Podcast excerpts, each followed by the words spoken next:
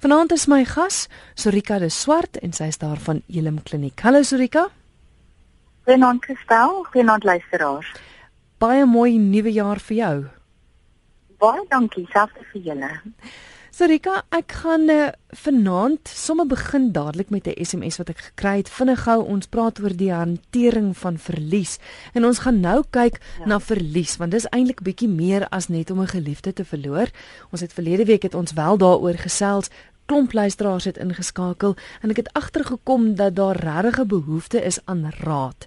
Hoe gaan ek aan met my lewe? En ons staan nou aan die begin van 'n nuwe jaar en ek gaan begin met 'n SMS wat sê: "Goeienaand, dit is Lourens. Ek het op 14 Desember my moeder, Johanna Hurter, aan bloedkanker verloor. Sy was my alles en nou is sy weg. Ek kan sê te sê maar self doodgaan, want ek weet nie hoe om aan te gaan nie. Ek voel ek kan net sowel my lewe neem. Ek is 17 en ek kan nie nou al sulke pyn vat nie. Ek het haar 6 dae na my verjaardag verloor. Help my asseblief. Ek kan die pyn en die hartseer net nie meer vat nie. Al wat help is RSG. Baie dankie julle. Nou, Laurens, ek is bly om dit te hoor, maar ek kan ook Sorika 'n hulpkreet hoor. Hy's 17 jaar oud ja. en hy weet hoe om aan te gaan nie. Ja, weet jy, ehm um, vir Laurens wil ek sê in die eerste plek weet jy dit is 'n dis 'n ongelooflike verlies. Om 'n ouer te moet verloor is nie ehm um, weet nie is nie maklik nie. Hy's nog so jonk. Hy praat van die 14 Desember dit klink vir my dis hierdie jaar. Dis mhm. nou die jaar wat verby is so dis baie onlangs.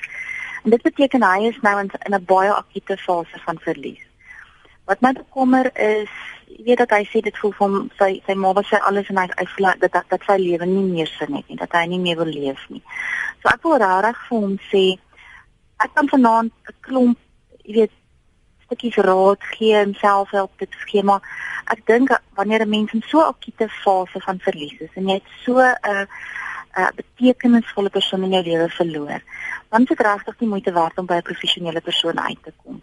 So ek ek gaan 'n klomp goeders vanaand noem wat mense kan probeer om om die die, die rouproses vir hulle self makliker te maak en en met hierdie proses te dra maar wanneer 'n mens begin voel dat jou lewe nie betekenis het nie. Ehm um, en en as jy begin dink aan selfmoord, dan wil ek regtig sê, ek wil ek wil vir Laurent vra om my môreoggend te bel. Dat 'n mens kan kyk waar kan ons hom uitkry by iemand wat hom kan kan help. Nou verlede week het ons grootliks gefokus op as jy 'n geliefde verloor, maar Sorika mens kry baie meer forme van verlies. Kom ons kyk gou-gou vinnig net na ja. daai gevoel van verlies. Wat veroorsaak dit? dat jy deur 'n ja. rouproses gaan? Ek ek dink die die rouproses is 'n natuurlike gevolg van 'n verlies wat 'n mens beleef en as jy kyk na die die goeters wat wat ehm um, vir mense gevoel van verlies gee, dan is dit regtig enige iets wat menswaardige verlies is. Met ander woorde, ek dink die eerste ding wat ons almal dink is die dood van 'n geliefde. Ek dink daar's daar's min dinge in die lewe wat vir mense so traumaties is. Maar egskeiding is is ook daar bo aan die lys. Jy weet om iemand aan die lewe te verloor is soms net so swaar as om iemand aan die dood te verloor. 'n Verhouding, jy weet iemand wat wat wat jy regtig liefhet wat jou verwerp, waar daar geen kans op versoening is nie. Dit is vir baie mense net so pynlik. Ehm um, ek dink byvoorbeeld nou aan aan aan iemand wat 'n miskraam het of 'n babatjie wat doodgebore word. Maar ek dink ook aan dinge soos iemand wat 'n werk verloor, iemand wat nou op pensioen gaan. So daar's 'n verlies aan betekenisvolle struktuur in jou dag. 'n Troeteldier wat doodgaan. 'n uh, geliefde wat terminaal siek is byvoorbeeld. So daar's daar's 'n klomp dinge wat vir ons 'n gevoel van verlies kan kan gee en en om dan in 'n rouproses te gaan is die mees natuurlikste normaalste iets onder die son. Dit is regtig 'n normale reaksie op gevoel van verlies. Kom ons kyk gou is daar 'n regte of 'n verkeerde manier of 'n gesonde of 'n ongesonde manier van rou? glad nie. Ehm um, en en ek wil amper al teruggaan net na Lourens toe en vir hom sê die dinge wat hy nou vir my sê is ook is is ook tipe van goed wat mens kan verwag as 'n kind 'n ouer verloor en dis nou nou maar 2 of 3 weke. So daar's regtig nie 'n manier ehm um, waarop 'n mens moet trou wat reg en aanvaarbaar is nie. Wat belangrik is is dat ons moet verstaan ons verskil almal van mekaar. So daar's nie daar's nie 'n tydperk wat aanvaarbaar is nie. Daar's daar's mense wat na 2 maande begin het hulle voel hulle begin hulle ewewig herwin. En dit beteken nie hulle was nie lief vir die persoon nie, dit beteken nie hulle is nie diep geraak nie. Daar's mense wat 7, 8 jaar vat en dan is daar mense wat sê, weet jy wat, dis 'n leeftyd. 60 jaar later en ek ek sal nooit vergeet nie. So ek ek wil regtig vir mense sê mens moet nooit jou rouproses vergelyk met iemand anders se nie. Daar's geen daar moet geen verwagting wees oor hoe jou rouproses moet wees nie. Ons gaan almal deur fases op op 'n verskillende manier, op 'n verskillende tyd. Party mense gaan nie eers deur al die fases nie. Ehm um, so die die beste ding wat jy vir jouself kan doen of vir 'n geliefde kan doen is om te sê rou jy soos wat vir jou persoonlik gemaklik voel en ek gaan net hier by jou wees. Mm, mm. Ek gaan net hier wees as jy my nodig het.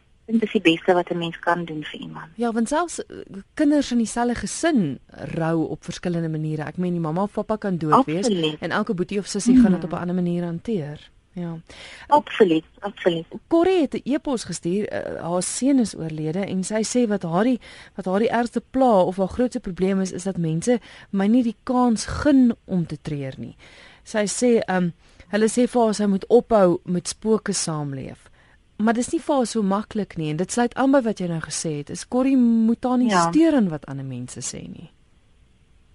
Ja, absoluut nie. Ek wil regtig vir jou sê ek en ek wil vir Corrie al net probeer verduidelik dat dit wat mense sê sê eintlik niks oor haar rouproses of oor haar verlies nie. Die dinge wat mense sê te doen met hulle eie ongemak. Want wanneer ons by iemand kom wat in 'n rouproses gaan, dan beleef ons soveel intense ongemak, emosioneel, beleef ons ongemak. Ons ons ons leef in 'n wêreld waar ons graag 'n ding redelik vinnig wil fix en as ons dit nie weg het. en hier is nou een ding wat niemand van ons by magte is om ongedaan te maak nie. Weet die dood of 'n ernstige verlies kan niemand van ons kan dit ongedaan maak nie. So dan raak ons so ongemaklik dat ons dit amper wil wegpraat met met klein woordjies en mooi trooswoordjies en weet onvanpaste goed baie maal. En um, in die proses en en en ek dink nie enigiemand bedoel om skade te doen nie. Hoe genaamd nie, ek dink die teendeel. Hulle hulle dink hulle motiveer jou om aan te beweeg met jou lewe. Maar jy weet ehm um, mense jy weet Corrie en en en enige iemand wat 'n verlies gaan gaan beleef dat weet jy wat jy verwag dat ek vergeet van my geliefde jy het jy dan 'n idee wat hy of sy vir my beteken het. Ehm um, en en mense het nodig om deur 'n rouproses te gaan. In in die hulpverleningsveld is dit vir ons so belangrik dat mense wel op hulle eie unieke manier deur 'n rouproses gaan. Ons eintlik 'n woord of ons noem dit rouwerk. Dit is werk wat gedoen moet word. Dit is ehm um, dis eintlik ek wil amper sê fases waardeur mense op verskillende maniere ehm um, gaan. En daar's geen tydsbeperking daar nie. Mm. So wanneer iemand sê sê jy leef met spooke saam, wat hulle eintlik vir jou sê is ons is ongemaklik met die intensiteit van jou emosie. Mm. Dis eintlik maar wat hulle sê. Mm. Goed, ons gaan gou-gou 'n oproep neem voordat ons kyk na die fases van rou. RS Goeienaand. Goeienaand. My hond is dood, nou so 22 jaar terug.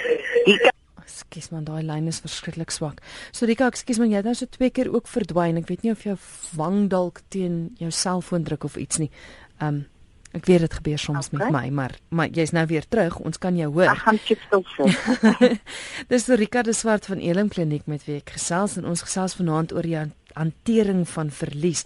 Terloop ons het vroeër gepraat oor die verskillende tipes van verlies. Ek weet ek het op 'n stadium gehoor iemand het gesê selfs iets soos as jy 'n gestremde kind kry, is dit ook 'n mate van verlies want jy het so 'n prentjie van hoe hoe dit moet wees en as dit dan nie gebeur nie, is dit ook 'n 'n vorm van verlies. Definitief weet ek self vir sê as jy 'n spesifieke toekomsideaal of droom gehad het en ewe skielik is dit nie veel moontlik nie. Mm, mm. Ehm um, dan is daar 'n belewenis van van verlies. Ja. Dit gaan net oor die noemenswaardigheid van die verlies gaan bepaal hoe intens die rouproses is. En en weer eens verskil dit van persoon na persoon. Maar so en en en daarom wil ek vir mense sê ons moet glad nie pyn met pyn probeer vergelyk nie want een persoon se egskeiding gaan vir hulle so intens pynlik wees as wat 'n ander persoon se verlies aan 'n kind gaan wees. Ja. En en een persoon wat met pensioen gaan gaan, Ehm um, en voel hulle hulle eintlik 'n waardelose bestaan wat hulle nou voel. Dit is hulle persepsie waarskynlik. Gaan dit net so intens beleef. So daar's mens mens moet glad nie pyn en pyn vergelyk want want elke ou se belewenis is uniek. En en mens moet werk met dit wat daai persoon beleef. Elkeen se proses en tyd daaraan is uniek, maar gaan almal deur dieselfde fases? Is daai fases altyd teenwoordig? Ja, dit is 'n interessante ding. Ehm um, Elizabeth Kubler-Ross het op 'n stadium navorsing gedoen iewers in 19 1960 en sy het hoofsaaklik gefokus op mense wat terminaal siek is, ehm um, aan kanker dink ek.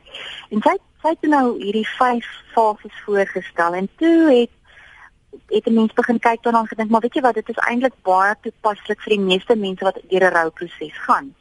Maar ehm um, ek ek wil half by sê omdat ons almal so uniek is, moet mens weet nie almal gaan deur al die fases gaan nie. Dis dis dit gewoon nie toepaslik om deur al die fases te gaan vir almal nie. En party ouens raak vas by 'n sekere fase terwyl party mense heen en weer tussen fases beweeg. So as ek na die ja. fases vir jou vinnig noem, dan gaan julle verstaan wat ek bedoel. Wat wat sy gesê het, sy dink is gewoonlik begin 'n mens met iets so skok, ongeloof en ontkenning. Ehm um, waar jy half afgestomp is en en daai fase is gewoonlik ehm um, jy asof jy asof jy kognitief jy hoor die nuus en, en en jy gaan deur 'n kognitiewe fase waar jy sê, "Oké, okay, ek hoor dit, maar dit is nog nie vir my werklik nie."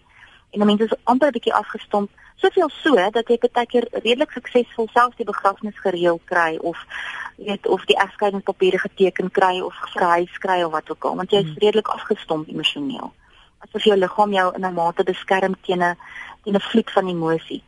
En dan begin die die werklikheid jou nou tref en dan vir baie mense is daar dan 'n fase van woede So alhoewel ek sê dis die tweede fase, onthou nou dat ek sê nie almal gaan deur al hierdie fases nie, maar so soms kry mense 'n fase van woede, selfs wraakgevoelens. Ek dink dit kan woede teen God wees wat hy hierdie geliefde weggevat het. Ehm um, dit kan woede wees teenoor die persoon wat weg is. Dat hulle jou verwerp het of dat hulle dood is en jou agterlaat. Ek kan kort sê jouself.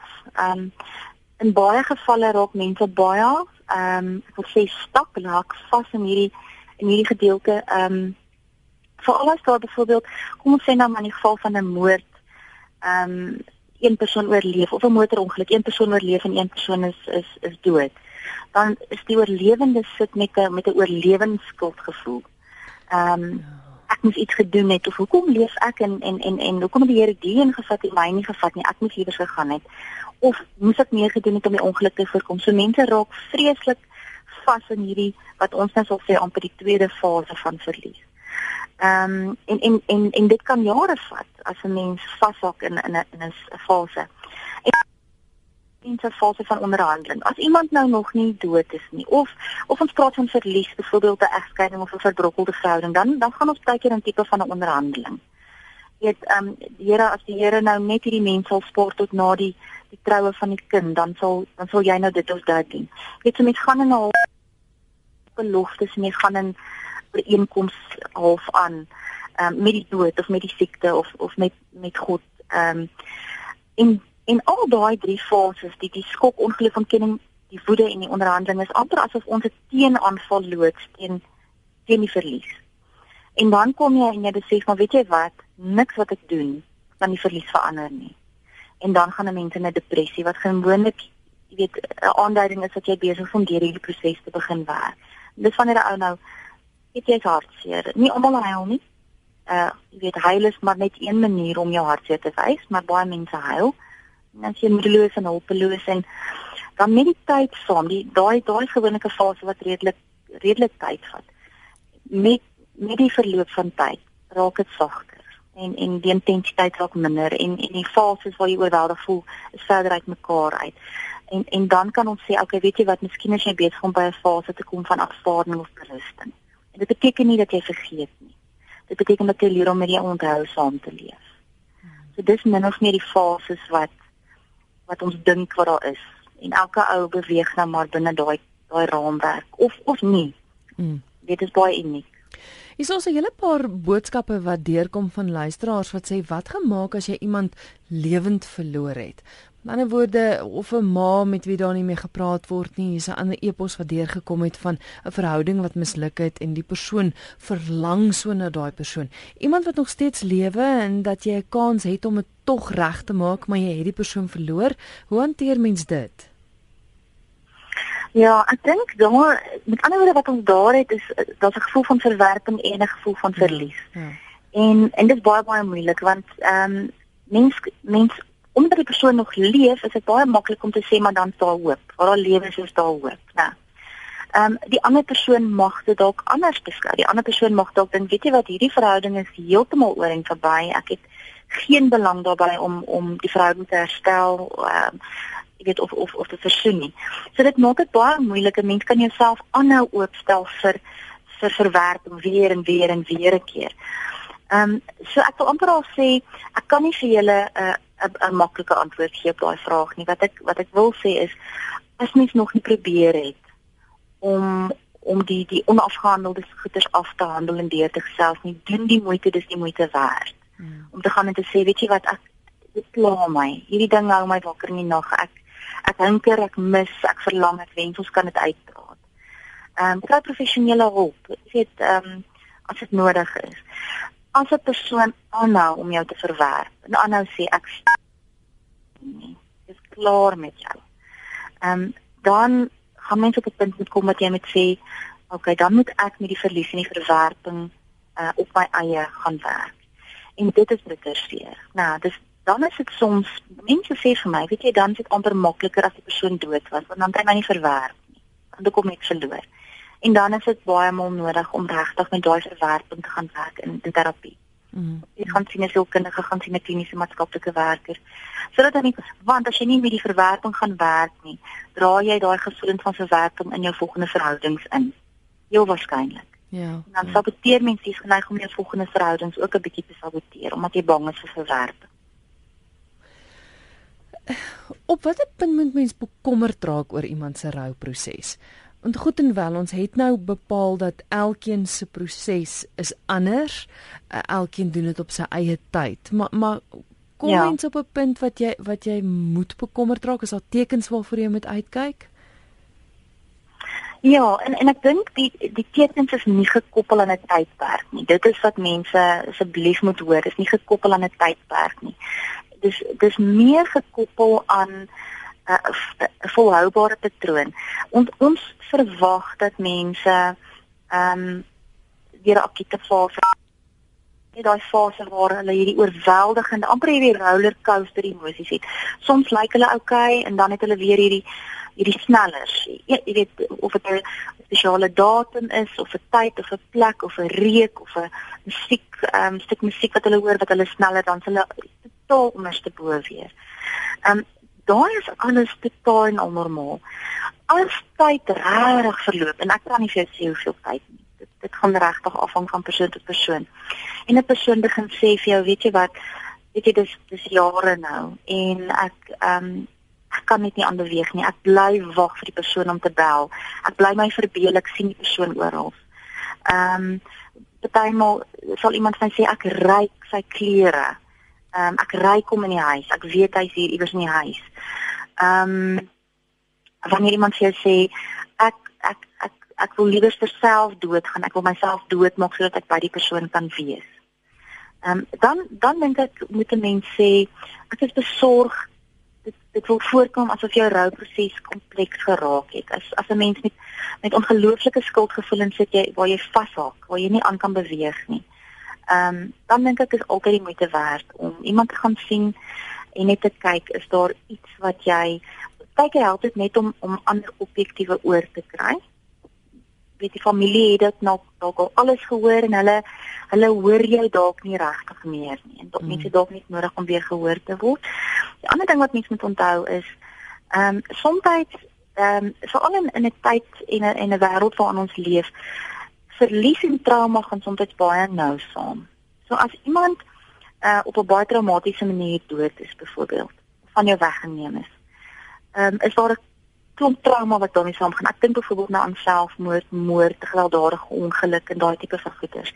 Ons praat nie net van verlies nie. Ons praat nou van baie indringende gedagtes en beelde waarmee die oorblywendes, die oorlewendes agterbly. Daai trauma moet ook hanteer word. So mense dink dalk die persoon hanteer nie sy verlies nie, maar dit is dalk trauma goeders wat nog ook hanteer moet word. Ja, ek verstaan. So ek weet 'n depressie waar iemand regtig nie meer kan funksioneer nie. Hulle wil nie eet nie, hulle wil nie slaap nie of hulle slaap en eet net aan een. Dan dit regtig om die moeite werd om te sê kom ons gaan sien iemand, kom ons dat iemand net vir ons assesseer of ons rede het om bekommerd te wees of nie. Maar selfmoord dreigement of poging neem ek altyd ernstig op. Hmm.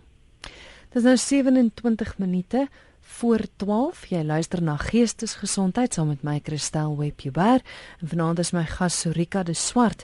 Sy's van Elim Kliniek en ons gesels oor die hantering van verlies. Hier is 'n SMS wat deurgekom het van 'n luisteraar wat vra is dit ook verlies as jou ma aan demensie ly?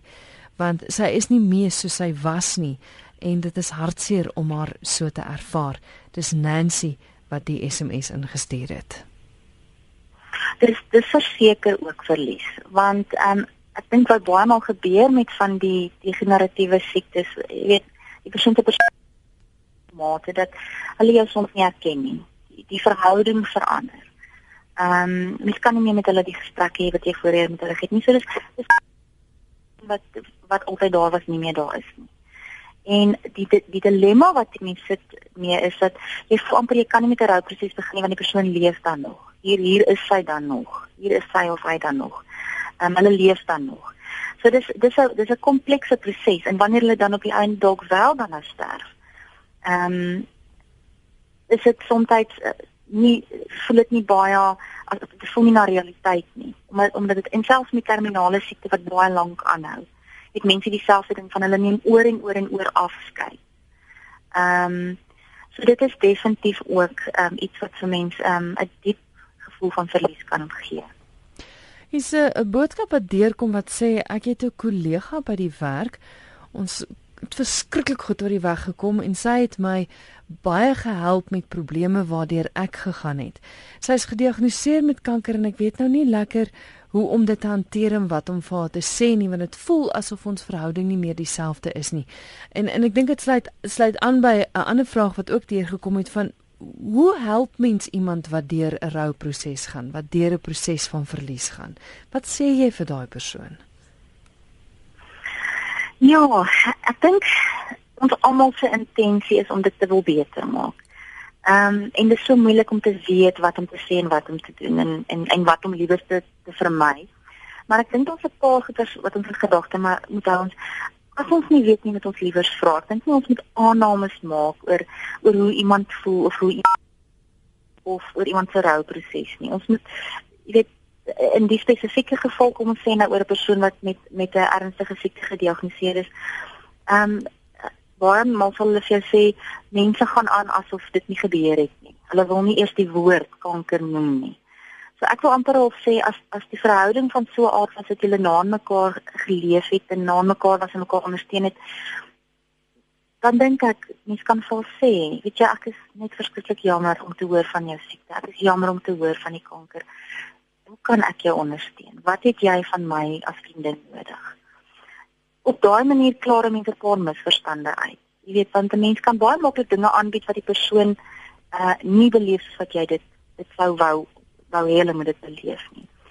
Ehm um, en en ek wil self sê vir vir uh, jy weet waar 'n geliefde dood is. Ehm um, 'n mens mens moet dit maar aanspreek. Jy moet maar erkenning gee aan die feit dat 'n geliefde dood is. So om net te maak asof niks gebeur het nie of niks te sê nie want jy is bang jy ontstel die persoon maak dit eintlik erger want die weet onmiddellik dink die persoon maar kan jy dan nie weet jy dan nie dat my geliefde dood is nie of verstaan jy nie hoe erg dit vir my is nie of het jy klaar vergeet van hierdie persoon wat vir my so belangrik is. So daar's 'n daar's 'n paar goed wat 'n mens kan doen. Ek dink die eerste ding soos ek sê is, is om nie aannames of uitsprake te maak oor iemand se se rouproses nie. En dan wanneer jy praat, wees maar sag en reguit. Ek ek wil dinge sê soos ek is jammer om te hoor van jou siekte of ek is jammer om te hoor van jou verlies. Ehm um, en eerder as om 'n klomp woorde te gebruik te sê, ek weet nie wat om vir jou te sê nie. Ek het nie woorde nie. Maar ek gee om en weet ek is hier.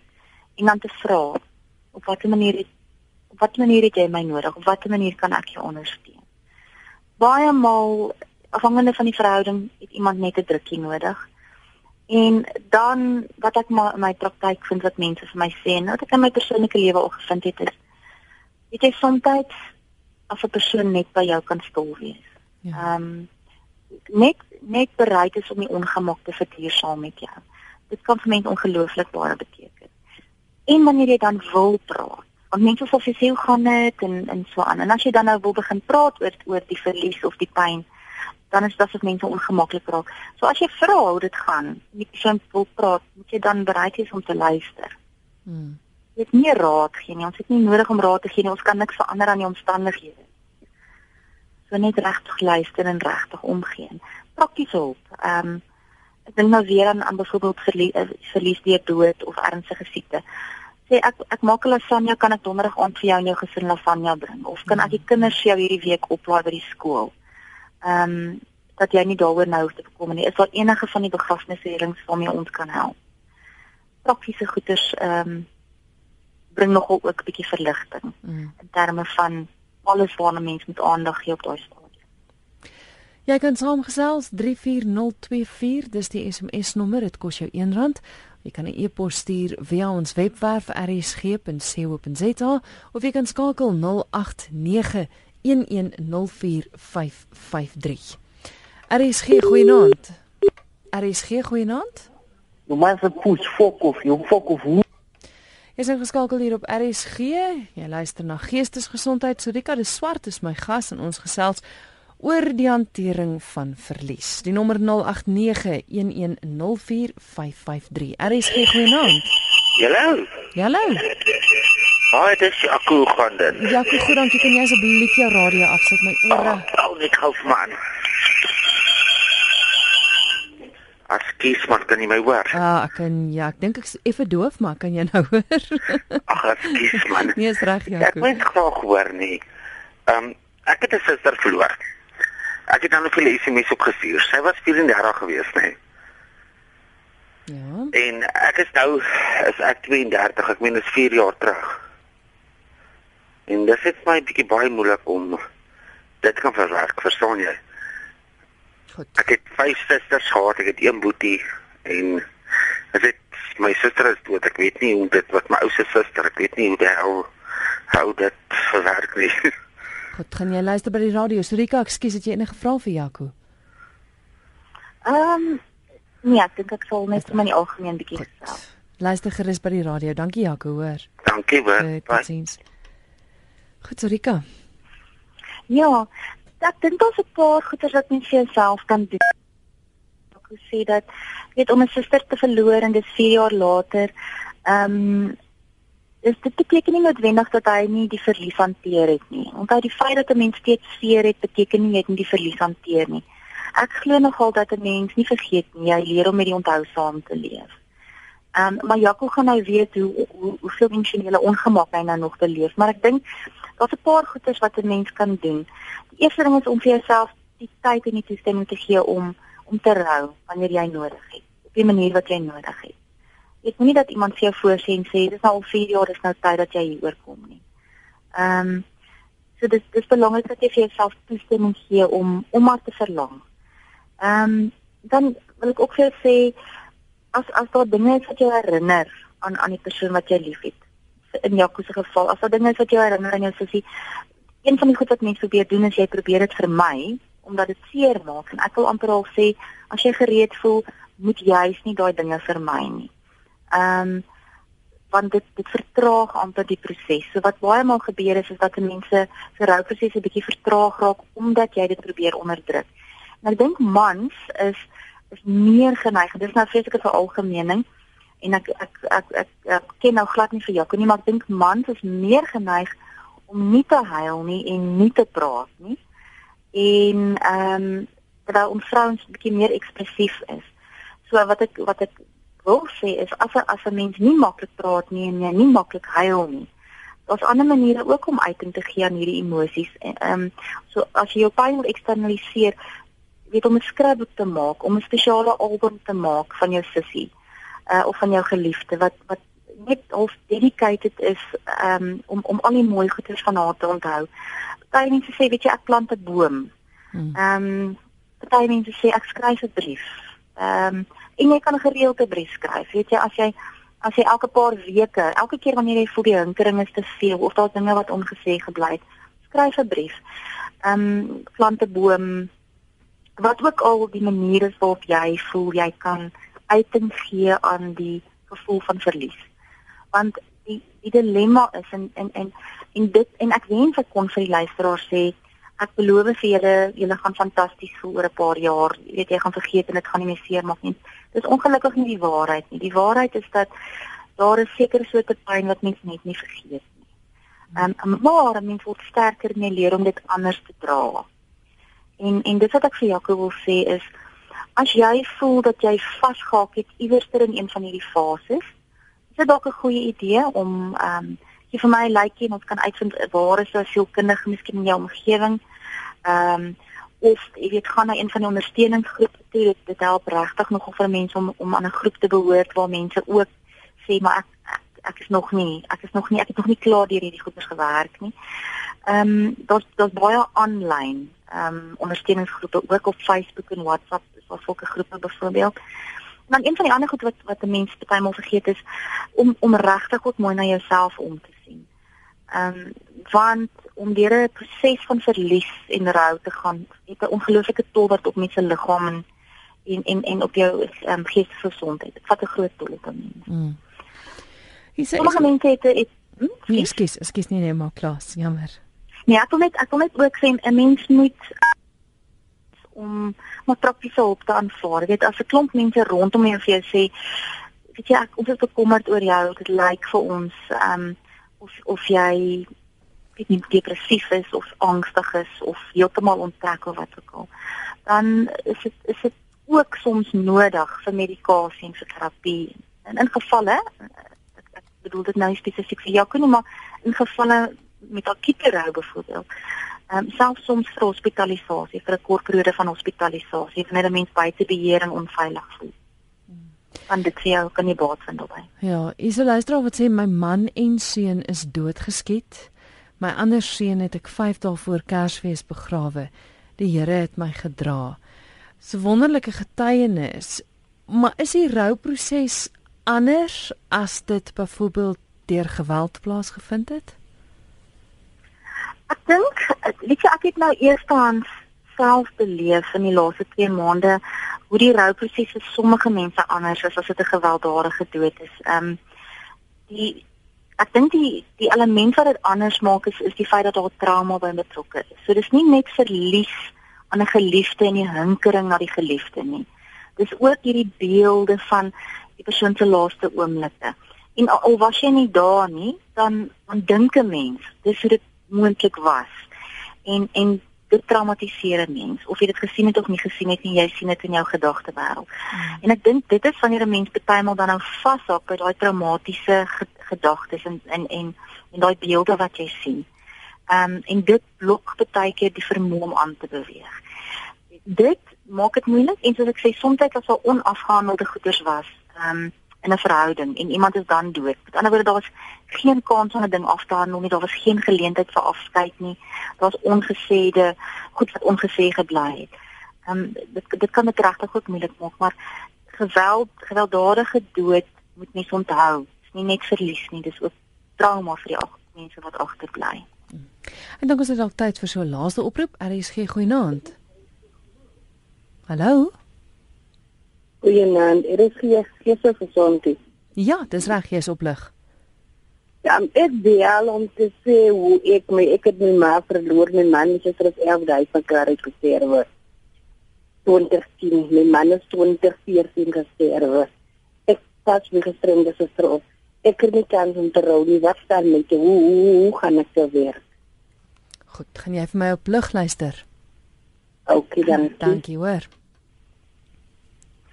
Ekskuus, ek wil net seker maak ek het reg gehoor het. Eh, sê sy sy kry nie eintlik tyd om te rou nie. Nou, omdat sy omdat sy nou ehm um, die gestremde suster oppas. Ja, dit eh, dis hoe ek dit verstaan, ja. OK. ek dink wat mense op mekaar wat mens dalk net moet vir mekaar sê is onthou dat rou nie op 'n spesifieke manier hoef te lyk nie. So as as die luisteraar vir my sê, weet jy wat, ek wil elke dag vir myself net 'n halfuur in die aand voor ek gaan slaap. Wil ek vir myself 'n kans gee om bietjie te skryf in 'n dagboek of ek myself toe te laat om 'n bietjie te huil. Dis dis baie maal die geval dat 'n mens moet vinnig terug gaan werk en jy voel jy kan nie met rooi oë by die werk rondloop nie. Ehm um, dit beteken nie dat jy nie rou as jy nie op 'n spesifieke manier optree nie. So vir die luisteraar wil ek sê elke klein bietjie tyd wat jy het as jy as jy gedagtes skenk aan die mense wat jy liefhet wat jy verloor het is dit is 'n deel van die rouproses daai 2, 3 keer 'n dag wat jy miskien net 'n traan wegvee, is deel van die rouproses. Dit beteken nie dat 'n mens 'n spesifieke tydperk in jou lewe moet eintlik uit jou lewe uitvat en nie aan ander goed aandag gee nie. Mense vers, verskil soveel in 'n rouproses dat al mense wat letterlik die volgende dag opstaan en werk toe gaan omdat daai struktuur vir hulle dit laat voel asof die of die lewe aangaan. So, ehm um, ek dink mens kan rou sonder dat dit noodwendig 'n hoeveelheid tyd uit jou dag uitvat. In in jou gedagtes gebeur daar ook deel deel deel jy ook met 'n proses. Goed, ons het aan die einde gekom van die program. Ek, ek dink is tog belangrik om te sê as jy nou op 'n punt is wat jy besef jy jy het hulp nodig. Jy wil aanklop vir hulp as jy voel jy jy kan net nie vorentoe gaan nie. Jy weet nie hoe om te vorder met die proses nie. Waar klop luisteraars aan vir hulp? Ja, ek dink ehm um, Compassionate Friends is 'n fantastiese ehm um, ehm um, ondersteuningsgroep en daar's baie van die groepe reg oor die land. En dan SADC wat wat rondom geestelike gesondheid, hulle het baie ondersteuningsgroepe. Lifeline is ook 'n moontlikheid, mens kan hulle bel. As enigiemand enige van die nommers van hierdie goeie soek, ehm um, of byvoorbeeld op soek is na sielkundige in hulle omgewing, dan is hulle baie welkom om vir my te bel by Elim Kliniek. Ons nommer is 011 975 2951 en ons sal graag vir julle in die regte rigting wys.